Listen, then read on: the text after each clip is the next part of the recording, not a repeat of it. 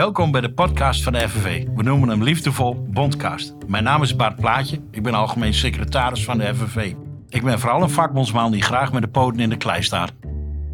In deze Bondcast bij mij aan tafel de voorzitter van het ledenparlement Ger Moeken. Welkom Ger. Dankjewel Bart. Ger, allereerst, uh, uh, hoe lang zit jij in het ledenparlement van de FNV? In het ledenparlement zit ik uh, sinds 2017. Uh, en uh, de, dat is een periode van vier jaar geweest. En namens de fractie Bouwen en Wonen. En nu zit ik als technisch onafhankelijk voorzitter en plaatsvervanger namens de fractie Bouwen en Wonen in het ledenparlement. Kijk, ja, we noemen dit ook een, een bondcast. Hè?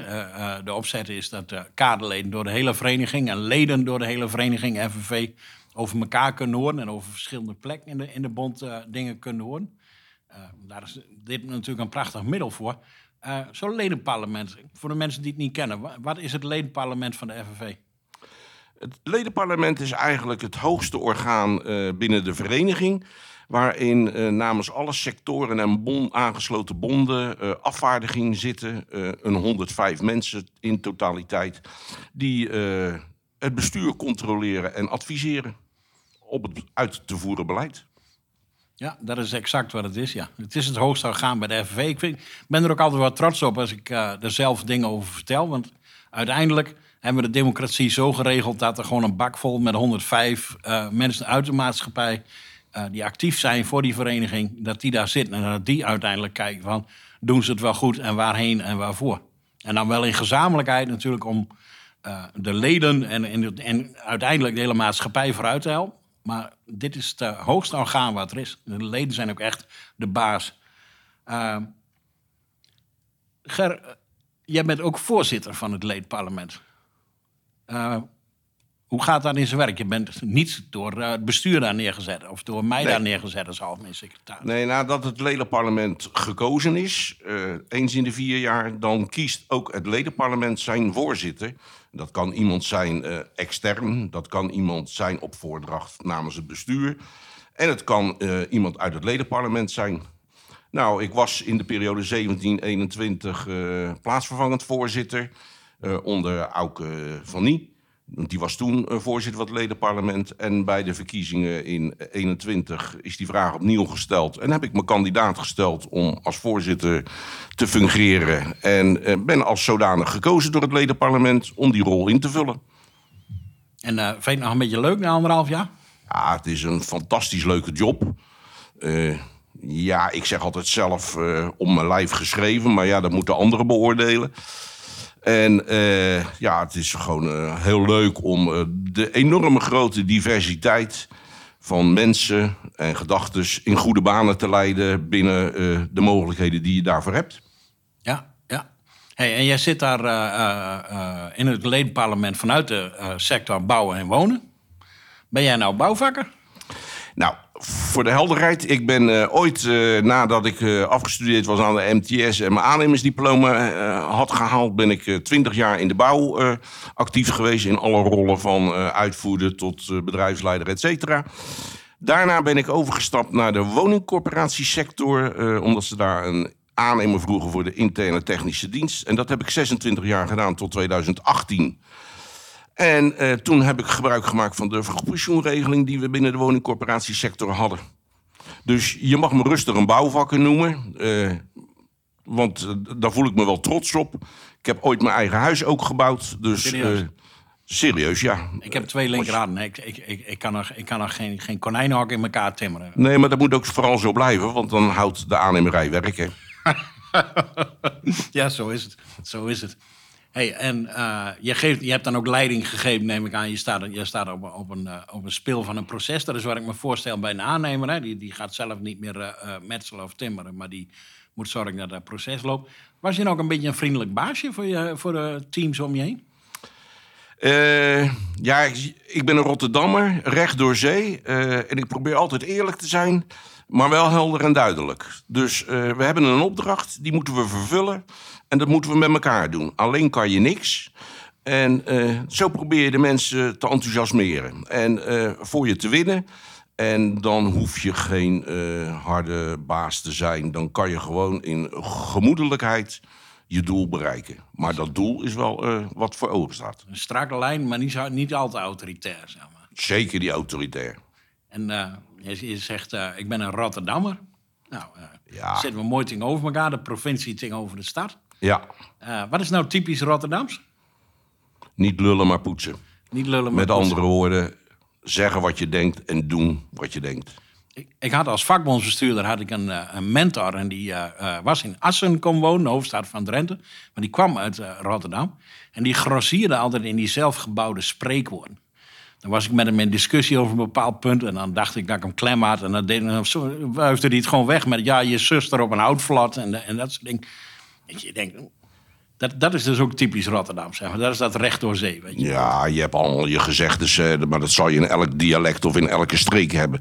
Dus ik weet niet of dat nou typisch Rotterdams is, maar eh, ja, we zeggen elkaar de waarheid. En eh, dat doen we vaak ook door middel van gezegdes of spreekwoorden. Ah ja, ja nee, we zijn er in Drenthe zijn we daar wat voorzichtiger mee. Dan moeten we iemand al goed kennen.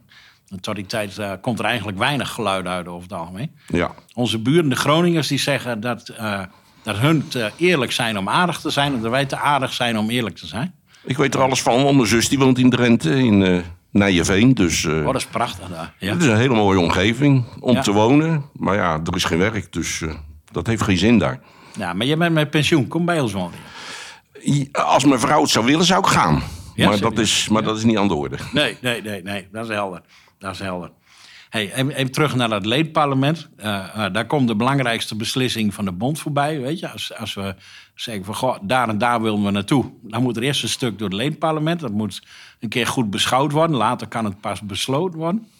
Eh, als je vanaf hier probeert naar de toekomst te kijken.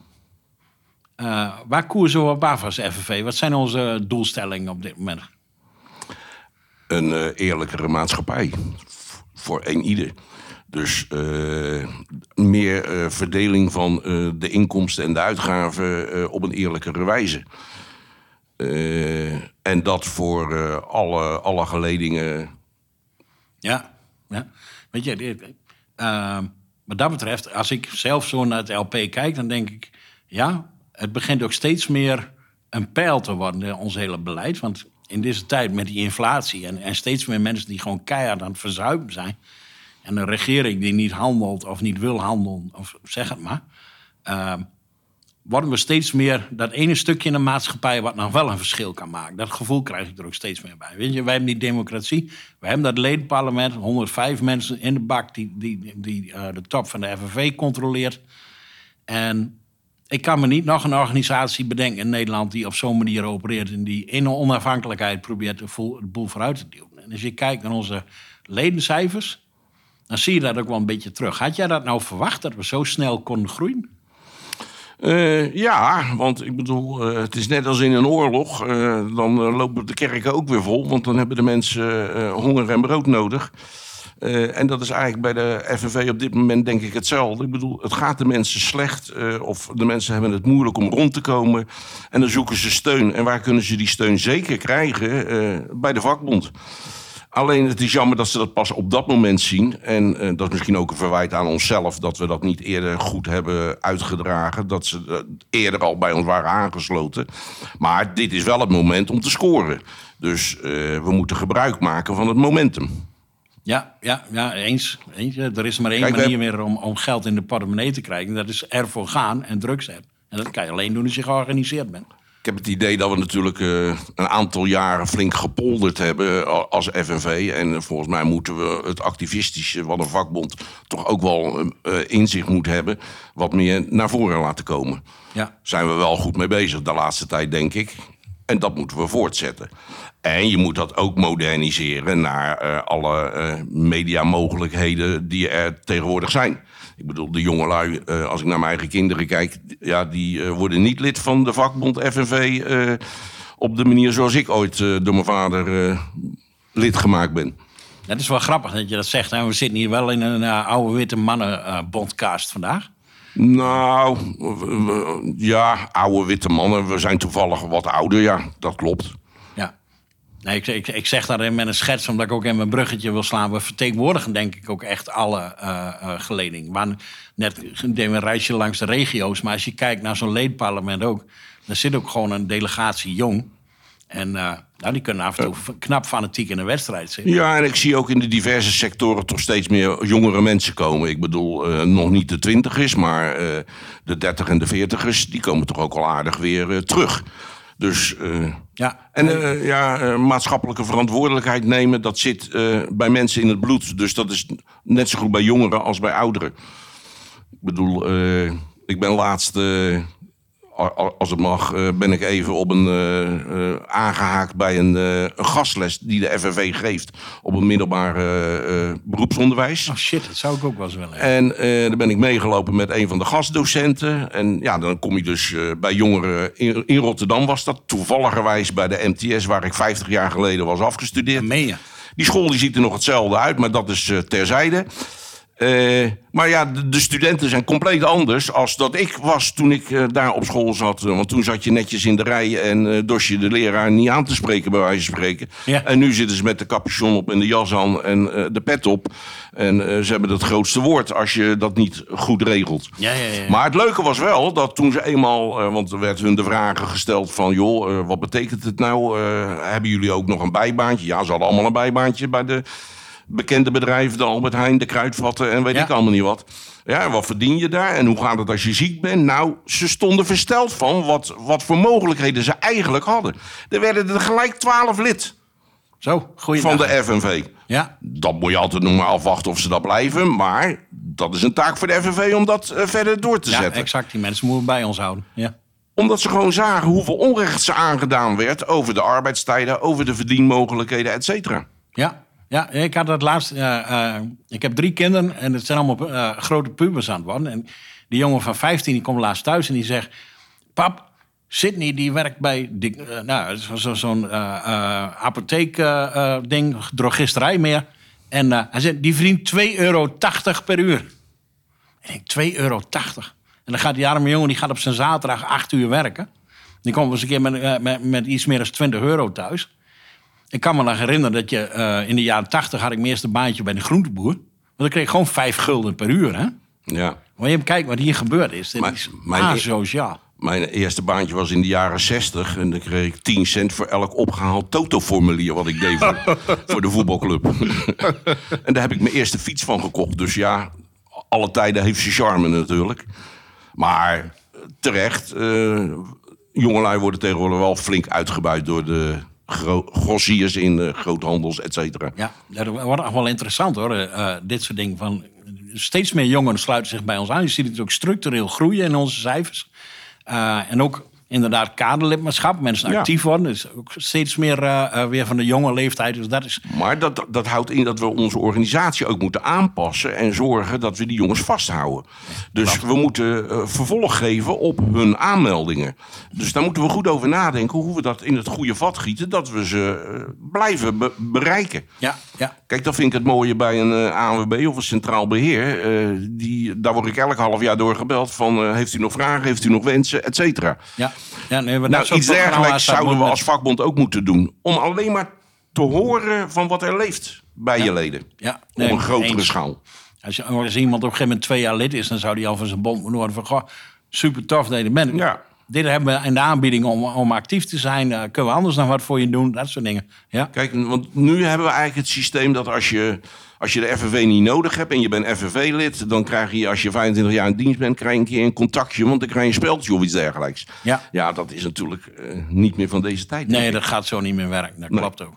En wat dat betreft komen er ook wel andere vraagstukken voorbij. Ik, ik merkte laatst aan een bestuursvergadering. Toen ging het over uh, het thema klimaat en toen werd het gemotiveerd. Maar ja, daar moeten we ook goed oog voor hebben. Ook jongeren vinden het klimaat belangrijk. En aan de overkant van de tafel van de jongeren zat een, uh, zat een kaderlid uit het onderwijs. En die zei, ja, maar ik geef les aan uh, VMBO-kader. En die hebben helemaal niks met klimaat. Die willen weten hoe ze straks een huis krijgen. Of ze ja. überhaupt een inkomen hebben. Uh, weet je, dus voor de ene nou ja, jongere... Dat, dat was ook eigenlijk mijn insteek om die gasles te volgen. Ik kom natuurlijk uit de woningsector. En ik was reuze benieuwd van uh, hoe dat dan met die jongelui zit uh, over wonen. En wat wij daarvoor aansluiting zouden kunnen zoeken. Ja. Ja, dat, dat was ook een beetje wat daar voorbij kwam. Weet je, als je die component bij elkaar op kan tellen en je kan dat in, in, in je uh, belangvertegenwoordiging zetten, dan, dan ga je echt richting de toekomst. Weet je, ik moet het hier ook gewoon met jongere mensen over gaan hebben in deze bondcast. Ja. Maar uh, ervaring kan je ook niet uitvlakken. Dus uh, Klopt. ja. Mooi. Zeg, meneer Moeken, wanneer hebben wij weer leden parlement? we hebben morgen hebben we alweer een verdiepingsdag. Uh, dat is een soort uh, scholingsdag. Uh, wat vroeger de scholingsdag was, dat noemen we nou een verdiepingsdag. Oh ja. Daar proberen we themagewijs dingen aan de orde te brengen... die nou niet zozeer direct formeel besluitvormend hoeven te zijn... maar waar we gewoon onderling met elkaar van gedachten kunnen wisselen... waar het bestuur zijn ideeën kan neerleggen... En daar proberen we een nieuwe impuls te geven aan het ledenparlement... om de besluitvormende vergaderingen... die we op, dacht 10 februari voor het eerst weer hebben. Of 8 februari. Uh, om die wat uh, soepeler en makkelijker te laten verlopen. Ja, en ja. mensen meer de gelegenheid te geven om over de diverse onderwerpen na te denken. En ook daar met hun achterban van gedachten te kunnen wisselen. alvorens je de belangrijke besluiten neemt in het ledenparlement. Want dat kan je maar één keer doen. Ja, dat is ook altijd zo mooi in die, in die struggle die we met elkaar hebben. Uh, in, zo'n, in, in, in, die vakbond die we zijn. een scholingsdag is al heel snel allemaal rechtop zitten in je stoel en luisteren naar iemand die er verstand van heeft en die wat kon brengen.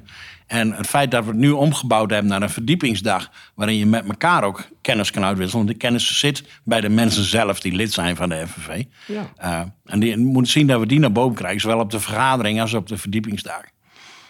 Ik vind dat ook wel een mooie voor de afsluiting, uh, Gert. We zouden nog wel uh, een uurtje door kunnen gaan, volgens mij. Maar ik denk dat we zo een mooi inkijkje hebben gegeven in onze vakbondsdemocratie en de richting de toekomst. Ja, nou, dankjewel Bart.